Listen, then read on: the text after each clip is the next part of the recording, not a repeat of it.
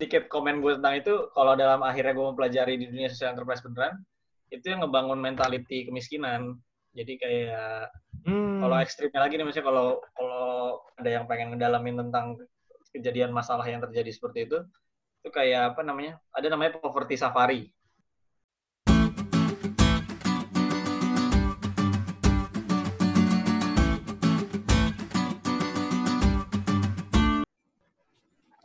sekarang gue kan kemarin tuh liatnya pertama di LinkedIn itu sih yang lo post-post tentang Future Youth Academy itu ya. Hmm.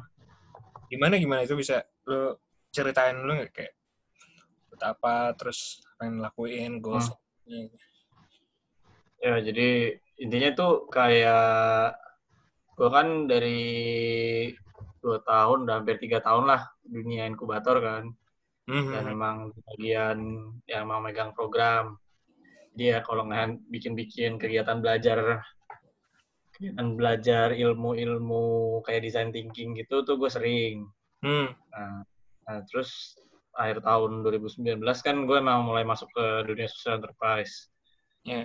uh, pas masuk ke dunia social enterprise uh, gue rasanya kalau panggilan personal gue tuh lebih kebayang perubahan tuh dimulai dari generasi yang selanjutnya lah gitu. Karena pas gue di social enterprise pun ketemu challenge-nya mereka bakal sulit mengubah pandangan masyarakat yang udah gede gitu kan yang udah udah dewasa.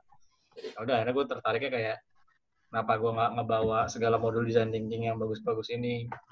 Tujuannya kan intinya meningkatkan berpikir lebih kritis sama ngasih uh, pandangan yang lebih luas sama anak-anak sejak muda supaya itu mereka empatinya lebih tinggi dan lebih bagus lah dibanding kita yang mungkin generasi kita tuh mungkin mayoritas bagi menurut gue ya ini pandangan gue aja.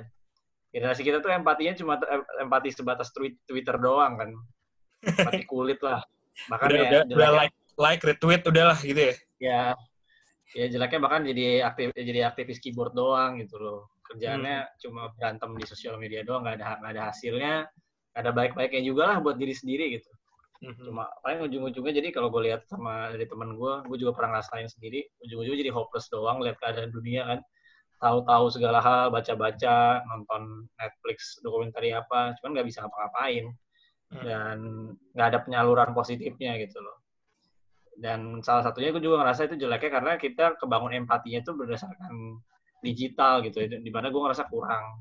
Hmm. Um, saat itu satu hal yang gue juga dapetin di komunitas social enterprise kan, ya di saat lu terjun langsung tuh lu ngerasa hubungan langsung sama manusia nyata, itu lu baru dapet apa ya, dapat gambaran yang jelas gitu sebenarnya lu kebaikan itu mau fokus ke mana gitu dan dari segi fokus itu juga yang menentukan sebenarnya lu benar-benar peduli ke hal yang apa gitu karena kata kuncinya tadi kalau misalnya sebenarnya aktivisnya tuh satu lu peduli sama suatu hal tapi lu tuh nggak ada lu nggak ngebangun relationship gitu ya ke diri lu sendiri itu tuh gue sering ketemu juga dan pernah ngerasain juga berout aja ujung-ujungnya gitu. Karena ya lu sebenarnya nggak terlalu peduli gitu. Sadar nggak sadar lu belum kebangun peduli yang benar-benar peduli karena lu udah maksudnya bukan cuma rasa kasihan lah gitu mungkin katanya empati itu. Nah tadi ada gue kepikirannya simpelnya gimana gue bikin modul-modul pembelajaran, kegiatan pembelajaran yang bisa menjabatani adik-adik junior kita lah sejak dari gue kemarin alhamdulillah bisa nargetin dari SD itu kemarin bikin acara dua kali hmm. oh, buat SD nah, ya bayangan gue tadi kalau mereka dari SD itu udah diajak mikir kayak oh ternyata di sekitar kita tuh realitas sosial emang sangat ada ketimpangan lah bahwa hmm. kita semua mungkin ada yang udah di posisi yang um, privilege lah dan di saat kita tidak sadar tentang itu ya lu bakal cuma jadi uh, pion doang lah di roda yang sudah terjadi ini gitu. Ini kayak uh, ini gak sih? Uh, Apa yang lu tadi selesaiin adalah gimana supaya men-solve uh, gimana ya? Empati yang kita itu dan apalagi empati empati generasi generasi setelah kita yang bakal terbangun secara digital gitu ya, nggak secara uh, langsung gitu gitu nggak hmm, sih? Itu yang gue rasa. Uh, pengennya jadi kayak empatinya emang benar yang lebih baik lah dibanding kita karena dengan empati itu tuh nanti menurut gue tadi jalurnya tuh mereka jadi lebih terarah gitu. Hmm. Dan secara misalnya secara objektif mereka tuh nanti mau menyelesaikan masalah tuh juga jadi lebih bagus karena dari dari awal mereka udah dapet uh, pengenalannya langsung dari lapangan gitu kan atau mereka juga da, ya apa ya dari awal tuh uh, kepeduliannya tuh dari hal yang nyata lah gitu bukan cuma baca-baca doang gitu. Iya. Yeah. Jadi kayak, gue, gue jadi tertarik nih tadi kan lo sempat bilang uh, ada tuh kayak contoh uh, empati yang kayak nggak aneh ya arahnya arahnya nggak sesuai gitu kan uh, ada nggak trik kayak mungkin yang lo dapat di di siap itu uh, trik trik buat siapa nih nggak case case buat oh case case kayak ya. uh, nggak nggak pas lah ini uh, misalnya dia ya, menurut gue banyak banget kasusnya kayak nggak usah misalnya gue nggak usah ngomongin pas gue disiap uh, organisasi yang emang beneran bergerak di bidang sana ya Aha. nyatanya tuh pas gue di pun juga ketemu sama kayak generasi Far. contoh paling gampang pengen mas lah iya sih pengen mas tuh kan udah darah daging dari awal kita tuh pengen mas tuh dihadapin kayak apa ya kalau gue bahasain tuh kita tuh kesannya kayak orang kota yang hmm. yang apa ya dijadiin mainan aja kayak eh udah nih lo yang penting sekali sekali haruslah turun ke desa gitu jadi emang kayak dari awal tuh menurut gue nawa itunya sama spirit itu udah gak jelas gitu loh Peng Mas ada di itu ya. Saya sorry itu saya maksud gue, yes, yes, yes, bukan yang bilang Peng Mas. Ya Peng Mas tuh bukan yang gue bilang sia-sia total gitu. Cuman hmm. ya ada ada poin-poin yang menurut gue bisa diimprove ya, sangat jauh lah karena udah bertahun-tahun gitu-gitu terus gue bilangnya. Dan kenyataannya kan kayak biasanya apa ujung-ujungnya gue nggak tahu lu juga pernah ngalamin kan? Paling ngapain kita uh, satu project sebulan dua bulan terus lu turun jabatan terus ya lu ujung-ujungnya uh, masuk ke dunia kerja korporasi ya lu bahkan udah lupa kali itu cuma jadi cerita nongkrongan doang. Eh, iya nih kita pernah ngobrol sama bapak itu ya gitu gitu itu doang kasarnya gitu kan mas gue jadi kayak gue gue juga ya, jadi, jadi ini deh gue sempat ini kan ketemu sama apa? Jadi teman gue tuh bikin bikin PKM bikin PKM yang ah. ini yang ke masyarakat itu lah gue lupa namanya apa ya. terus gue diajak ngobrol itu uh, sama ini anak-anak yang anak-anak penyanyi yang kalau CFD itu di depan Borm di bukan Borm apa tuh rumah sakit rumah sakit Bormeus, Bormeus. itu bebeknya itu ada bapak-bapak gitu kan itu kayak kayak ininya lah kayak leadernya gitu dari komunitas anak jalanan itu uh, hmm. terus di di luar. Jadi si teman gue ini kan proyeknya itu sama si bapak-bapak itu. Tapi habis itu hmm. gue diajak ngobrol sama uh, bapak-bapak itu kan. Kita ya. uh, mas saya mah udah tahu gini anak itb yang kayak gini gitu. Uh, kita mah uh, kita kita tahu kita udah jadi gula gitu kasarnya buat jadi proyek-proyekan gitu. Buatnya mereka ya iya. Yeah, gitu. Gue gue pas denger itu kayak gila udah kita udah sampai dianggap kayak gitu sama orang-orang ini ya apa jadi jadi ya jadi uh, juga gitu ya itu sedikit komen gue tentang itu. Kalau dalam akhirnya gue mempelajari di dunia social enterprise beneran itu yang ngebangun mentality kemiskinan. Jadi kayak hmm. kalau ekstrimnya lagi nih misalnya kalau kalau ada yang pengen ngedalamin tentang kejadian masalah yang terjadi seperti itu itu kayak apa namanya ada namanya poverty safari. Gimana istilahnya itu jadi kayak kesannya banyak gerakan-gerakan filantropis tuh kesannya itu sebenarnya cuma menguntungkan bagi orang yang berbuat baiknya. Jadi kasarnya itu cuma memenuhi um, kalau bulu lah gitu, memenuhi kalau bulu kayak gue harus berbuat baik nih. Tapi lu nggak peduli sebenarnya implikasi itu apa gitu. Jadi kayak mm-hmm. lu nggak tahu sebenarnya yang lu kasih itu orang-orang yang udah kartel gitu, bahkan orang-orang yang pura-pura doang yang tadi lu bilang udah cuma nungguin doang. Yang iya. bakal udah itu terjadi aja terus gitu dan bahkan uh, bisa implikasi bisa negatif gitu kan bahwa kayak misalnya lu kasih itu ternyata ya tadi udah ada udah ada gembongnya lah yang bikin orang-orang terpaksa harus kerja sama dia gitu itu itu itu ekstrimnya lah gitu cuman mm-hmm. ya ya itu maksud gue implikasinya bisa terjadi seperti itu uh, di saat lo um, itulah gue bilang ini bagi orang-orang yang pengen serius jadi aktivis gitu ya jadi jeleknya lo bisa kayak gitu cuman ya menurut gue juga pokoknya nggak ada yang salah di saat lo mau berbuat baik bagi-bagi duit kayak atau apa menurut gue tuh nggak nggak salah sama sekali. Eh, sih, sih. Cuman ya itu ini gue ngomong dalam konteks bagi yang mendengar tuh bagi orang-orang yang tertarik jadi aktivis tuh ya kalau lu dari awal bilangnya mau berbuat perubahan ya lu harus terima realita gitu bahwa uh, berbuat baik tuh tanda kutip nggak sesimpel itu loh dan, Yusu, yusu, yusu. dan ngomongin ngomongin perubahan yang lu mau itu juga nggak bisa asal senang-senangnya doang gitu. Lu juga harus eh, ngerasain banyak lah kasus kayak lu bahkan dikecewain sama orang lu bantuin dan lu harus terima realita itu gitu. Jadi emang bukan cuma kayak ya tadi ya dan ya mayoritas mungkin orang umum kan nyari filantropi kan seperti itu kan. Supaya oh gue mau menyucikan su- di apa, jiwa gue lah ya kayak udah bosan dengan korporat. Dan lagi-lagi tuh nggak salah gitu. Cuman ya tadi di saat kalau lu bilang lu pengen serius ya ya lu harus tahu medan perang lu lah. Tuh. Oke, oke. So tadi yang kayak apa yang dipropos sama Future Youth Academy itu eh, ini enggak sih supaya kita lebih bisa targeted dan lebih bisa meng berempati gitu ya sih dengan masalah yang Iya. mungkin akan kita kata kuncinya sih empati sih gue nah, kata kuncinya sih empati gue kayak penasaran banget gimana kalau kayak gue tuh kan kemarin bikin workshop buat anak umur SD 4, 4 SD sampai 6 SD lah gitu. Hmm. Tuh kemarin ngebayanginnya dari awal planning ya SD tapi jangan yang bocah-bocah banget gitu karena supaya gue bisa ngomong ini udah ngarah ke sedikit uh, self development lah gitu kan.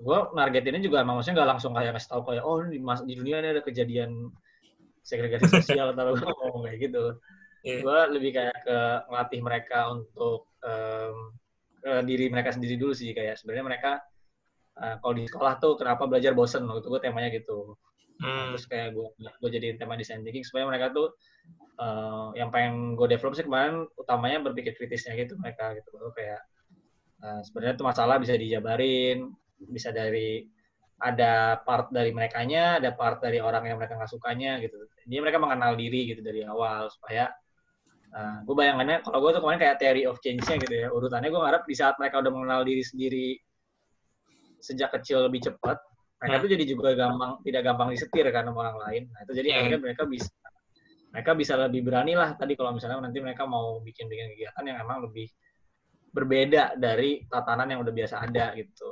Saya konteksnya tadi di saat mereka dari kecil tuh udah biasa latihan bikin project atau latihan me- mengevaluasi diri kayak kenapa kalau misalnya di sekolah bosen lah atau Hmm. gimana lah. Pas misalnya nanti mereka kuliah pas mereka bikin pengmas tuh mereka udah berani gitu loh mengkritisi. Dan maksudnya berani itu bukan cuma kayak berani oh apa pas di ospek ngomong terus kayak oh, gimana? Bukan gitu tapi berani yang emang udah sistematis gitu loh yang kayak oh ya udah kayak gue udah kebayang kok sebenarnya yang gue mau tuh kayak gimana bukan asal yang ikut ikutan doang. Gue udah kebayang kalau emang di saat nanti gue harus mulai bikin apa yang gue mau ya nanti pasti bakal ada sulit-sulitnya lah. Terus gue udah kebayang apa yang kelemahan gue juga gue kadang suka males di mana gitu. Jadi bayangan gue itu misalnya teori of change-nya dimulai dari diri sendiri dulu anak-anak itu loh. Saat mereka emang udah tahu apa yang mereka suka dan apa yang mereka tidak suka apa yang mereka rada lemah dan apa yang mereka sebenarnya poin utamanya mereka gitu strengthnya mereka gue harapannya tadi mereka jadi lebih bisa em, punya pandangan sendiri lah gitu yang itu gue harapannya nanti mereka jadi bisa eh, menemukan empati mereka sendiri gitu yang tidak gampang terpengaruhi Terus ya, Targetnya emang ini ya? eh, Eh, SD gitu ya. Jadi eh, yang belum belum nyampe remaja gitu kan. Itu gitu nggak sih maksudnya yang, yang future Youth Ya, gue kemarin kemarin sih baru startnya di SD sebenarnya, tapi gue kemarin juga udah pengen ke SMP ke SMA juga, cuman kan belum Hmm. kesampaian. Ya sebenarnya sampai mentok sih sampai SMA sih gue waktu itu kemarin metahinnya. Karena ya gue mikirnya SMA juga masih masih masih muda itu misalnya hitungannya masih bisa kebentuk lah. Kuliah itu nggak tahu kalau dari pengalaman gue biasanya kuliah itu orang juga udah jaimnya udah semakin tinggi pak kecuali orang-orang itu yang emang emang niat eh, anak anak-anaknya yang eh, beneran niat lah emang tipe ya lu tau lah kayak generasi kita angkatan kita gitu misalnya beda kan kalau emang ada orang yang beneran niat atau enggak Hmm. kan kalau SMA tuh mungkin maksudnya masih bisa diajak lah gitu eh cobain ini cobain itu gitu. Kuliah tuh udah kebentuk gengsi gitu loh. oh ini gue misalnya anak mana nih anak anak tambang suatu kampus mana ya udah gue bakal pakai gayanya mereka kasarnya gitu kan Hmm. Ya, itu I see, I see. asumsi gue Itu lo bareng bareng sama siapa aja nih? Maksudnya timnya gue ada sama teman gue anak SBM juga Hmm. sama gua dulu ngajak anak 8 juga kok beberapa yang gue tahu peduli sama pendidikan Yeay. gitu. Ini bentukannya Cuman- kayak workshop gitu nggak sih? Workshop kayak Workshop, gimana oh. ke Hmm, targetnya gitu ya. yes I see, I see, I see. Menarik, menarik. ke Tapi gue tadi gue setuju banget sih eh, tentang apa ya kita dididik dengan empati yang lebih berdasarkan digital ya mungkin ya kita sendiri udah udah mostly ini enggak sih mostly di dibikin kayak gitu gitu apalagi nanti eh, apa generasi-generasi selanjutnya gitu ya yang mungkin umur berapa udah megang eh, apa megang HP gitu kan jadi main Hmm. sampai dia mungkin kebentuknya pas dia lagi main Minecraft gitu kan jadi berdasarkan itu jadi pas dia apa ke selanjutnya ketemu orang asli ya dia bingung nih apakah ini uh, NPC Cuman main kalau menurut gue sih yang gue takut itu bukan digitalnya sih pak. Jadi kayak kalau gue Gimana bilang emang emang di di ininya maksudnya di sekolahnya itu loh. Jadi maksud gue digital tuh tak terelakkan. Jadi kayak hmm, kalau tadi gue bilang maksudnya generasi kita tuh empatinya kebentuk sama digital tuh karena naturalnya. Cuman hmm, masalahnya itu tetap di bidang pendidikannya. Makanya kenapa gue tidak bikin platform media, tapi gue bikin Ah. bidang edukasi. Karena gue percaya maksudnya kita semua tuh nanti ngefeknya tuh ya teman tongkrongan lu, tempat-tempat lu belajar sehari-harinya, itu yang tetap ngaruh. Media tuh jadi emang udah karena kemajuan zaman aja. Akhirnya lu nyari-nyari sendiri gitu kan. hmm, Nah kita kan yang rata-rata yang emang biasanya akhirnya dapat info, info emang beneran tentang berita apalah, lu akhirnya jadi misalnya nge-follow-follow em, Amnesty Internasional gitu, misalnya tertarik bidang eh, pengungsi kan, refugee gitu, akhirnya lu follow-followin, terus lu jadi tahu gitu. hmm. Ya, itu tapi kan toolsnya aja, tapi menurut gue yang nge-shape, nge-shape orang bener-bener tadi, kalau konteksnya empatinya jadi bisa lebih terasa atau enggak, tetap balik ke kehidupan nyatanya dia gitu, tempat dia nongkrongnya, tempat dia belajarnya sehari-hari. Jadi ya makanya kalau gue sih percaya edukasinya, bukan masalah digitalnya. Berarti ini enggak sih kayak lo mau, mau, ngisi gap yang nggak dikasih sama pendidikan formal gitu ya itu eh, apa namanya Kind of. visionnya lah gitu ya saya why-nya gue ya hmm, hmm, hmm. tuh I see, I see, I see, I see. Biasanya kayak kalau mimpi mimpi gue jauh-jauhnya gitu Faren saya gue bayanginnya gimana tuh gimana tuh kayak, eh, sebenarnya model-modelnya udah banyak juga kan sekarang kayak sekolah alam gitu-gitu. Iya, Terus spiritnya sama aja kayak mereka. Misalnya kayak berandai-andai what if kalau si anak-anak ini dari kecil udah diajak berkebun lah ngerasain susahnya experience itu yang experience itu intinya experience ngerasain menghadapi masalah gitu loh. Sih menghadapi masalah, menghadapi kehidupan bukan kayak zaman kita dulu yang sekolah tuh kita memang kayak diproyeksiin untuk ngikutin jalur aja gitu kan. Lo Iya. yang penting ngapalin soal, lo bisa jawab, udah hidup lo aman kasarnya gitu kan. Nah, ya itu gue gue spiritnya sama sih kayak teman-teman yang udah duluan senior senior lah. Gue juga belajar banyak sama mereka yang memang udah bikin kayak sekolah alam gitu. Jadi experience based learning gitu. Mereka hmm. um, ya gue juga percaya itu sih kayak semua pelajaran pe- yang gue kerasa ngefek di diri gue gitu kan nempel tuh karena ada experience yang nyatanya gitu bukan masalah modul bacaannya bagus atau PPT-nya bagus lah atau gurunya didatengin dari mana. Cuman fasilitasi belajarnya tuh gue dikasih gue nyoba gue ngerasain langsung um, perspektif gue sendiri di challenge akhirnya kebentuk gitu loh.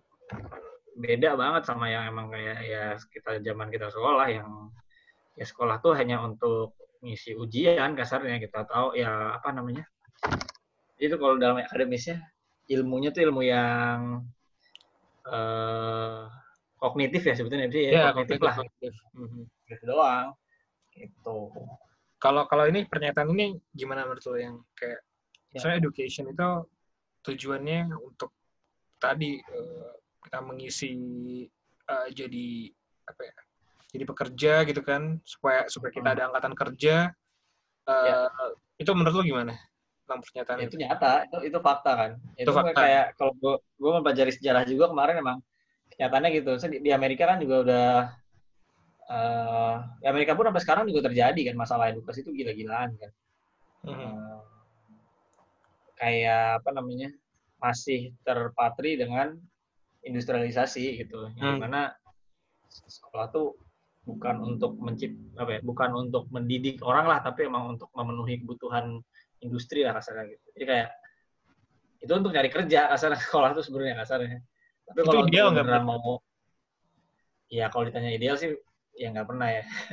Dan ya, balik lagi ideal. ini, atau ini ini sedikit sedikit rada jauhnya kalau gue pakai personal sih ya gue balik lagi ke personal belief lah. Maksudnya gue sebagai muslim percaya tetap edukasi yang beneran itu emang edukasi yang ngomongin tentang balik lagi ke tujuan hidup lu gimana di dunia gitu kan. Kalau di agama kita kan ngomongin tentang balik lagi lu bahkan harus sadar ya kita sendiri nih hidup juga bukan diciptain bukan kita yang minta gitu emang ada ada tujuan lebih besar lah gitu dibanding sekolah dan lo harus masuk korporat gitu kan. Ya, itu kalau itu kalau secara personal belief cuman kalau di secara tatanan edukasinya kan juga ya semakin banyak lah yang arah ke sana gitu. Maksudnya edukasi itu lebih pentingnya ngedidik orang, misalnya ngedidik orang jadi orang supaya dia bisa jadi lebih mandiri, bukan jadi pion doang gitu. Uh, ya tadi kalau kalau tentang apa tuh namanya itu sebutannya uh, statement seperti itu ya menurut gue tuh itu sudah sejarah sih. Cuman kalau ditanya ideal atau tidak ya menurut gue itu ya itu udah bagian dari peradaban aja kali ya. Maksudnya dulu segitu, sekarang tinggal sekarang kita um, improve gitu. Emang udah saatnya improve aja. Kalau misalnya ini nih, kita kan udah ya di era yang beneran digital banget ya. Lo kayak bisa mendapatkan pendidikan uh, ya by you know lah Coursera, DX dan sebagainya hmm. gitu. Hmm. Menurut lo masih relevan gak sih kayak degree atau misalnya kayak jalur pendidikan formal gitu? Relevan pasti sih. Mungkin gue bilang, nah ini kan kita hitungannya mau ngomongin itu udah luas kan, sistem kan. Jadi kalau menurut gue hmm. relevan, mayoritas orang pasti relevan gitu. Cuman, eh, apa ya, ya tadi sih mungkin misalnya perubahannya pelan-pelan aja sih. Jadi kayak sesuai konteksnya masing-masing. Jadi kayak, misalnya bagi orang-orang yang apalagi yang misalnya butuh kerja banget ya degree gitu-gitu masih masih relevan banget kan. Iya, menurut gua nggak nggak bisa juga ekstrim tadi gitu nggak perlu kayak wow dihilangin semua sertifikasi tapi konteks by konteks gitu mungkin gue rasanya nah kalau gue sendiri kan akhirnya makanya fokus ke ya gue jujur nargetinnya kayak, kayak emang keluarga-keluarga yang emang udah cukup mapan yang emang udah anak-anaknya tuh targetin untuk teredukasi dan hmm. emang udah banyak orang tua yang melek kebutuhannya emang edukasi bukan hanya uh, sertifikasi gitu kan yeah. itu gue makanya start dari sana gue bermain sama komunitas sana dulu jadi hitungannya gue sesama stakeholdernya juga udah sepakat jalan, tinggal saling mengisi gitu. I see, I see, I see. Jadi kalau yang apa, yang feature ya uh, academy itu uh, tadi ya lebih ke arah target anak yang ortunya udah uh, sadar gitu ya, sadar tentang kebutuhan tadi gitu, education outside of the classroom gitu. Hmm. Nah, kalau enggak nanti setelah berantem gue. I see, I see, I see. Uh, apa lagi ya? Lo ini dari dari kapan nih? Dari tahun tahun lalu ya? Tahun ini mulai. Dari awal tahun, dari awal tahun. Baru masih baru banget sah. Soalnya gue juga makanya masih banyak belajar. Ini sama kan lu kan experience based learning ini. Pas ada hmm. COVID ini berefek banget gitu ke operasional gitu. Oh iya, yang hitungannya, kayak iya. gue bilang hitungannya sejak gue tuh kan rencana workshop batch 2-nya itu Maret akhir kan, kan.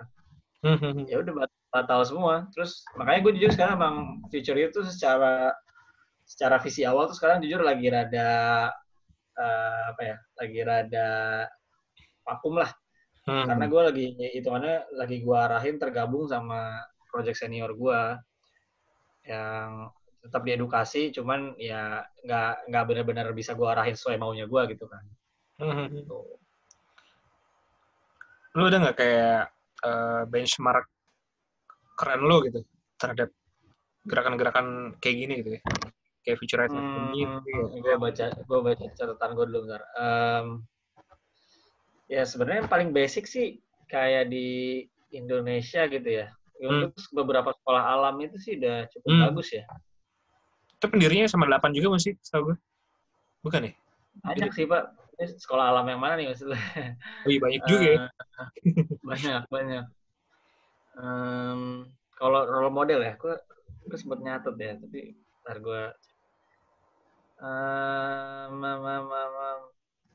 oh, gue kalau referensi, ini luar sih, maksudnya kayak referensi banyak pembelajaran-pembelajaran gitu kayak ada platform komunitinya lah ya bisa dibilang. Hmm. Bikinannya ini, bikinannya fondasinya Lukas George Lucas dia bikin namanya Edutopia. Jadi kayak dia uh, Lucas media khusus.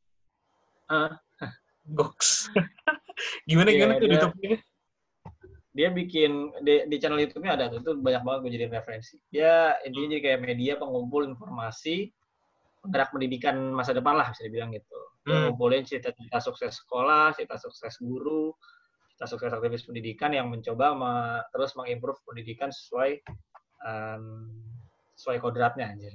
Asik. Itu, itu, itu satu referensi gue yang langsung gue dari secara spontan inget banyak banget dari YouTube-nya gue bookmark terus gue Iya. save itu gue juga banyak nyontoh di dari dia waktu gue bikin workshop design thinking buat anak-anak tuh gue juga ambil dari cerita-ceritanya dia gitu Cuma design thinking ini menarik banget ya. Gue gue ju- sejujurnya baru tahu tuh di tingkat berapa kuliah gitu. Uh, Hmm. Gue mungkin telat banget ya gitu kan. Terus gue nah, awalnya itu awalnya dari ini yang digerakan di Bandung tuh yang lokal enablers itu nggak? Eh bukan bukan Tahu, ini tahu. Labtech Indie.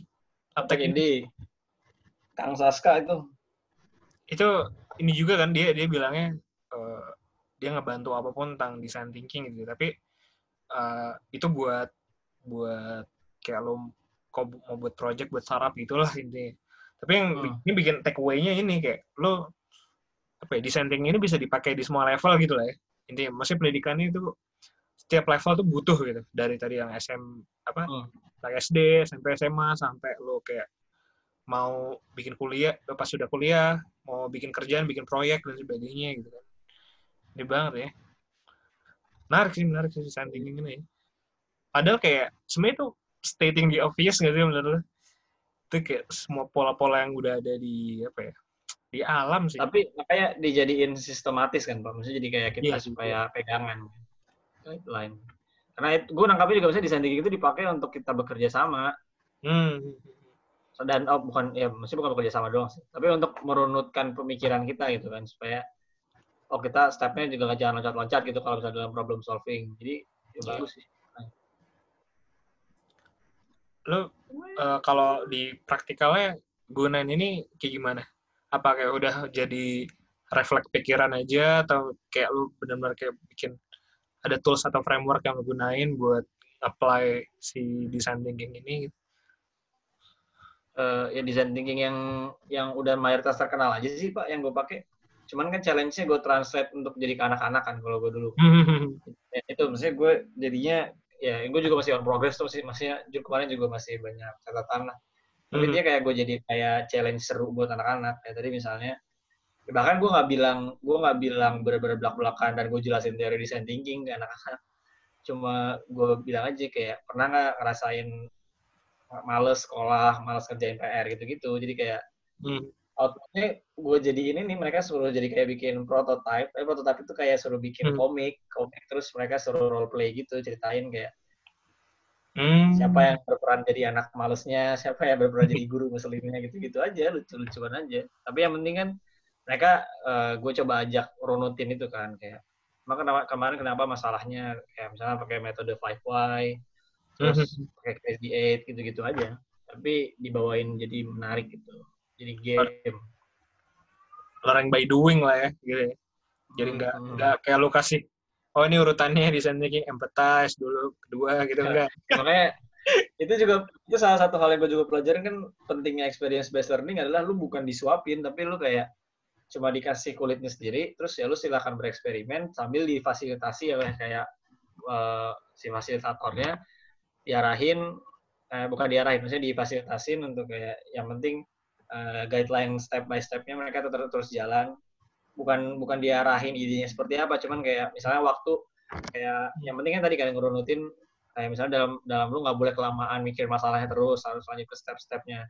Fasilitator belajar tuh pentingnya di situ kan bukan ya kayak oh ini idenya salah. Bukan tapi kayak oh kamu idenya gitu ya nggak apa-apa. Terus kalau misalnya mungkin idenya masih rada general si fasilitator tuh bantu ngobrol sama anak-anaknya diajak diajak ngulik diajak belajar terus diajak mikir terus bantu di kayak ah itu bagus tuh.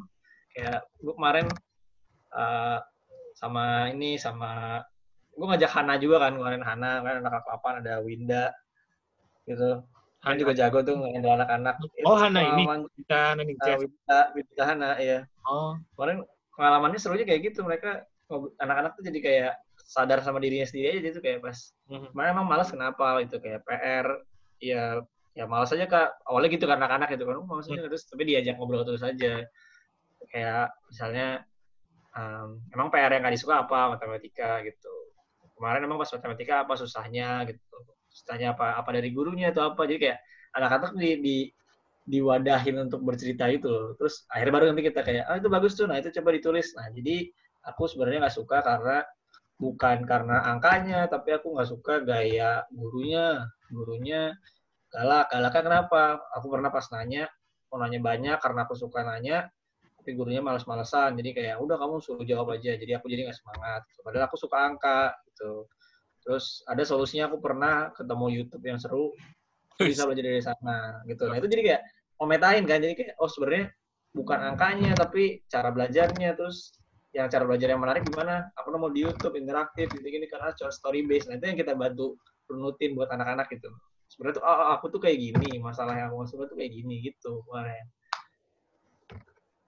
menarik menarik menarik asik ya gue lo gue penasaran tapi kayak lo dapet eh, apa ya early adopternya gitu ya dari mana ya orang beneran dan pengen Nah, sebenarnya itu yang gue juga awalnya gue ngira kayak oh, eh, belum banyak kayak gini kan. Cuman udah banyak pak ternyata. Misalnya tadi kalau Hmm. gue bilang contoh kayak sekolah alam, terus kayak cikal, kayak iya iya, tuh? apa namanya, terus si apa ya? Ini tahu sekolahmu nggak sekolah- yang ini sekolahmu, ya. yang sihab Itu ini tapi kan platform sihab. pak. Iya tapi itu platform. Maksudnya kalau yang emang pembelajaran secara kalau kalau bilang sekolahmu tuh kayak toolsnya lah, tapi emang pembelajaran nyata itu dari cikalnya kan. hmm terus ya apa ya sekolah alam sih ya rata-rata itu sih maksud gue kayak banyak itu sekolah yang kayak sekolah alam yang sebenarnya udah banyak ngasih contoh Em, ya gue nggak tahu istilahnya tepat atau enggak ya cuman itu kayak kayak spirit learn apa experience based learning. Maksudnya anak-anak tuh belajar tuh merasakan gitu. Bukan bukan dicekokin dan ngafal kayak robot tadi tapi biarin aja salah. Tapi kayak kita kasih guideline guideline ya kan supaya mereka lesson learn-nya dapat itu terus biarin mereka nge challenge diri sendiri gitu kayak nah terus tadi kamu udah tahu nih terus bisa dong harusnya nggak malas lagi. Terus nanti mereka jadi kayak mulai ragu juga kan ya oh iya bener ya.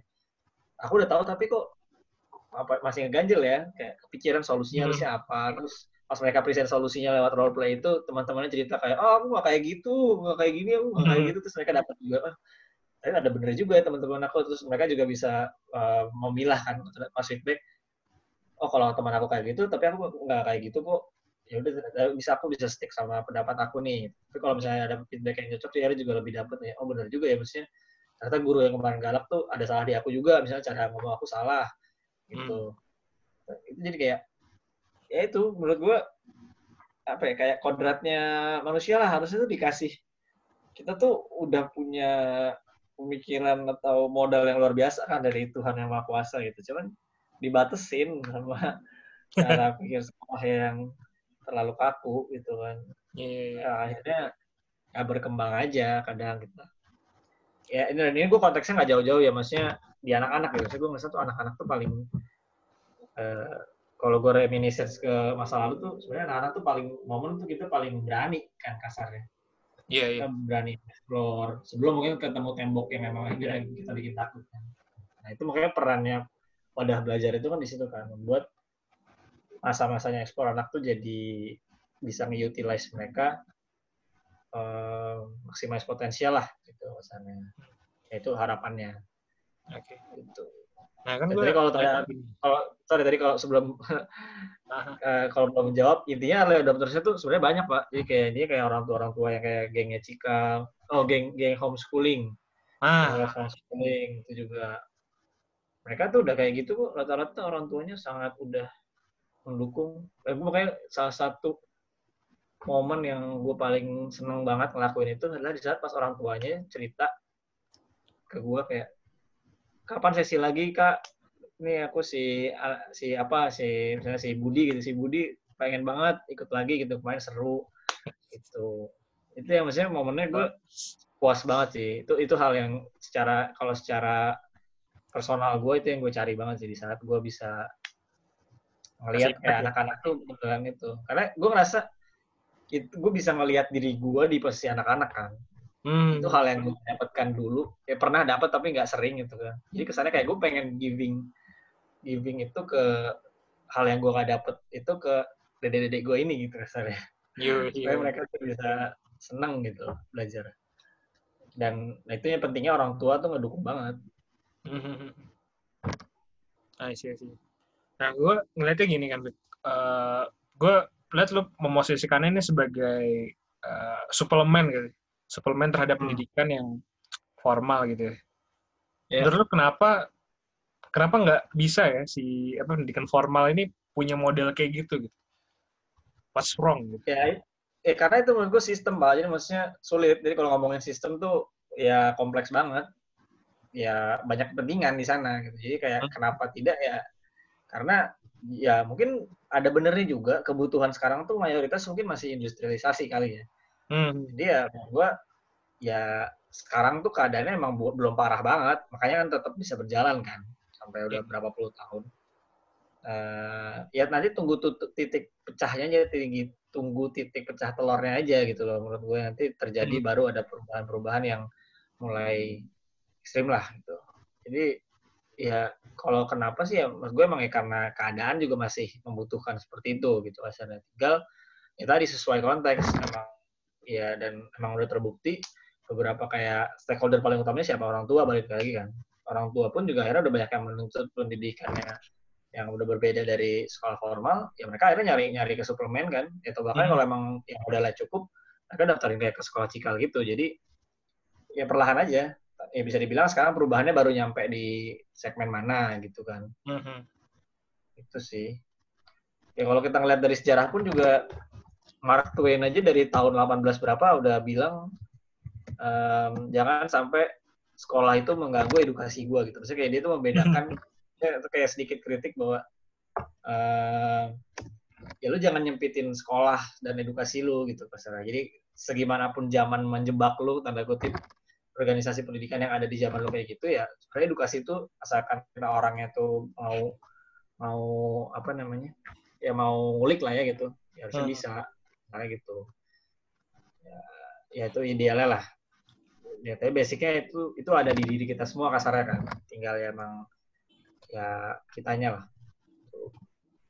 oke oke okay. sih jelas nih lo hope lo apa sih harapan lo buat uh, ya pendidikan yang model kayak gini lah di Indonesia. Uh, harapan ya. Nah, tapi gue juga nggak mau nggak mau gede-gede pak. Jujur kalau gue, gue pragmatis sih. Enggak, bukan pragmatis, mak. Gue gue mau gue bilang gue menemukan yang tadi ya, kayak empati sama peduli itu akhirnya gue bisa definisikan lebih spesifik. Hmm. Ini sedikit intermezzo kayak gue dapet selalu pembelajaran banyak gue dapat dari manga kan. Yoi. Apa nih apa One Piece ya? Enggak, eh, One Piece juga ada. Cuman ini salah satu quotes yang gue suka banget sampai gue save tuh. Jadi ada komik namanya Ajin kan. Ajin ah. Demi Human. Dia ceritanya kayak post apokaliptik era gitulah. Sedikit arah sana kayak gimana si tokoh tokoh utamanya itu tuh bukan kayak tokoh utama kebanyakan cerita pahlawan lah yang hmm. di mana tuh dia harus milih sesuatu gitu jadi dia harus milih kayak kesannya membuang sahabatnya dia untuk melindungi adiknya kasarnya gitu melindungi keluarganya nah itu quotesnya dia bilang si eh, ibunya nih ibunya ngomentarin bahwa kayak ini si karakter utamanya ini menunjukkan bahwa peduli itu tuh bukan cuma kayak ngomong lu peduli terus lu ngasih uh, rasa kasihan atau terus lu ngasih opini lah tentang itu gitu ya. Tapi peduli itu emang beneran lu sampai harus kalau lu sampai harus ngelapin pantat orang yang lu peduliin itu juga lu harus lakukan dulu lakukan gitu. Asalnya. Hmm. Di saat lu emang energi waktu lu ke habis 24 jam untuk si seorang itu lu lakuin ya itu lu beneran namanya baru bener-bener peduli gitu. Yang di mana implikasinya kita sebagai satu orang manusia itu terbatas kan peduli lu. Yeah, yeah. Jadi yang namanya lu benar-benar peduli itu harus memilih intinya nggak hmm. bisa nggak bisa lu bilang oh gue peduli sama Indonesia gitu jadi personally bagi gue tuh menurut gue tuh bullshit sih I see, I see. karena Indonesia tuh Indonesia tuh keluasan pak I see, I see. ya jadi kalau kalau gue harapan aja harapan yang lebih kecilnya aja sih. Gue sih ngarapnya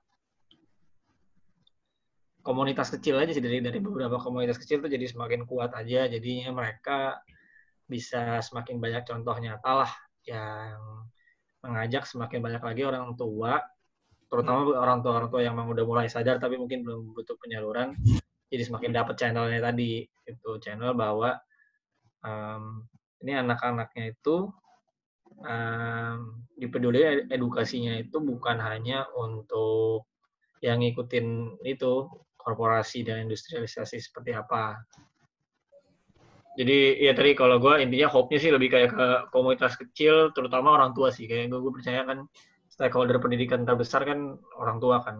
Gimana anaknya mau ini. Jadi ya gue harap ini ya semakin banyak orang tua yang lebih sadar lah. Ya dan harapannya kan kita nih, ntar lagi generasi-generasi menjadi orang tua kan.